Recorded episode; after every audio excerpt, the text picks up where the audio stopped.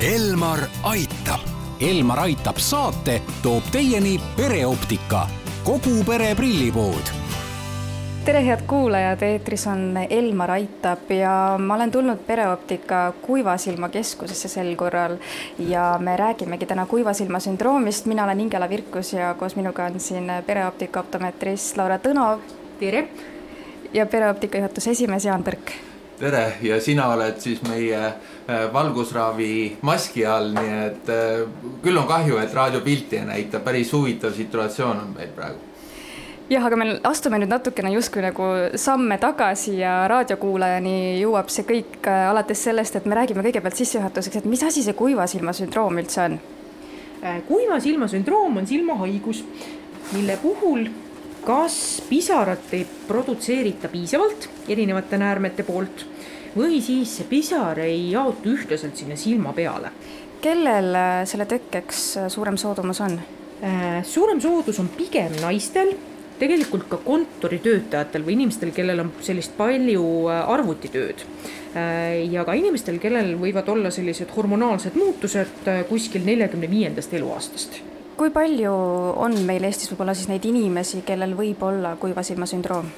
Ehm, Eestis selliseid uuringuid tegelikult läbi ei ole viidud, küll aga näiteks UK-s paar aastat tagasi ehm, näiteks kontoritöötajate äh, seas läbi viidud uuringutes oli tegelikult niimoodi, et kuskil kuuskümmend kuni isegi kaheksakümmend protsenti kontoritöötajatest olid need inimesed, kellel ikkagi mingisugused kuiva silma sümptomid olid. ehk siis tegelikult on ta ikkagi päris populaarne silmahaigus, ütleme nii jah, tegelikult ongi see konditsioneeride äh, keskkond, mis äh, seda silma kuivatab, tegelikult täpselt samuti on see autokonditsioneer, mis meie näkku puhub, aga samas ta ju kuivatab kõike niiskust, nii et, et noh, nendel on nii loogilised tagajärjed.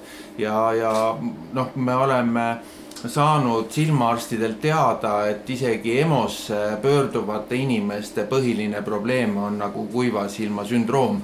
ja, ja meie pereoptika siis on nüüd suuteline seda sündroomi siis leevendama, kuni, kuni siis noh, päris heade tulemusteni, kui inimene suudab jälgida seda, mida me talle ette ütleme aga millised on need sümptomid või siis kaebused, millega näiteks teie juurde jõutakse, et mis annavad märku sellest, et inimesel võib olla kuiva silma sündroom? Äh, selline kipitustunne, kraapimistunne silmas, ka tegelikult suurenenud äh, pisaravool, äh, punased silmad või ka näiteks nägemisteravuse kõikumine või muutumine, eriti peale pilgutamist. et kui peale pilgutamist see nägemisteravus läheb paremaks, siis võib arvata, et seal mingisugune kuiva silma probleem on kas siis esimese asjana võikski tulla kõigepealt optometristi juurde või kelle poole selliste probleemide korral pöörduma peaks?